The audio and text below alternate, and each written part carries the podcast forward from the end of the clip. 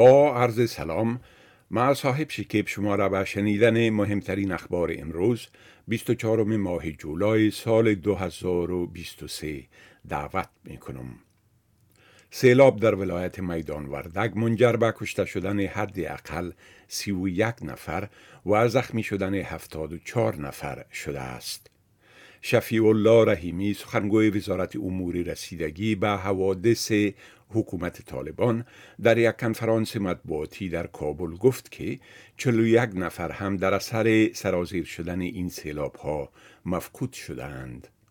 آقای رحیمی گفت که 604 خانه مسکونی کاملا یا قسما تخریب شده صدها رس مواشی و محصولات بیش از 41 هزار جریب زمین زراعتی و باغها از بین رفتند.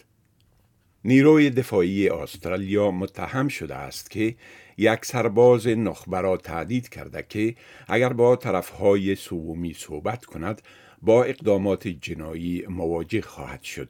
این سرباز در محاکمه تهمت علیه بن رابرت سمیت شواهد ارائه کرد و گفت که در سال 2012 شاهد قتل یک مرد غیر مسلح افغان توسط این حاصل کننده مدال ویکتوریا کراس بوده است.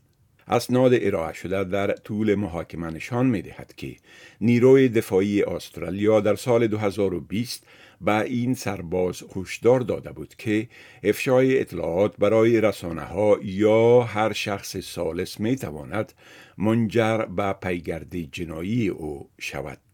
تونی برک وزیر روابط محل کار می گوید که یک پیشنهاد جدید از سوی حکومت فدرالی تضمین خواهد کرد که کارگران کیجول یا گاهگاهی که ساعات کار منظم دارند در صورت تمایل می توانند به یک کار دائمی منتقل گردند.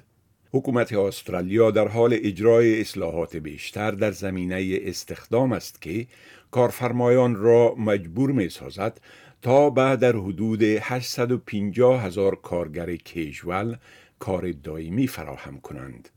کارگران اگر این را نخواهند مجبور نیستند این پیشنهاد را قبول کنند و می توانند طور یک کارمند گاهگاهی یا کیژوال باقی بمانند.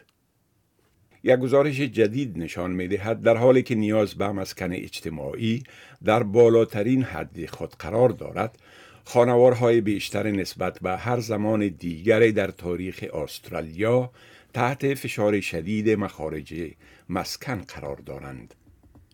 در این گزارش کارزار ملی مسکن تحت عنوان Everybody's Home از معلومات یک نظرسنجی 750 استرالیایی استفاده شده و معلوم گردیده که تخمینا دو سوم استرالیایی ها در حال حاضر استرس و فشار مسکن را تجربه می کنند. یک کمپاین ملی جدید راه اندازی شده است که استرالیایی ها را تشویق می کند تا به حیث اهدا کنندگان عضو بدن ثبت نام کنند تا میزان پیوند اعضای نجات دهنده زندگی افزایش بیابد. تعداد پیوند اعضا در سال 2018 به بالاترین حد خود رسید ولی این تعداد در طول همگیری کووید 19 به شدت کاهش یافت. ولادیمیر زلنسکی رئیس جمهور اوکراین می‌گوید که در حمله اخیر روسیه به شهر بندری اودیسا از 19 نوراکت برای ایجاد حد اکثر تخریب استفاده شده است. رهبر اوکراین می‌گوید حمله دیروز حداقل یک نفر را کشت و 20 نفر دیگر به شمول چهار طفل را زخمی کرد. تقریبا 50 امارت به شمول 25 بنای معماری، کنسولگری یونان و یک کلیسای مشهور آسیب دیدند.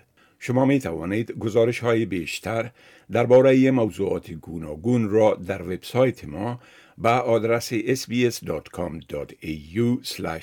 دری بشنوید و بخوانید.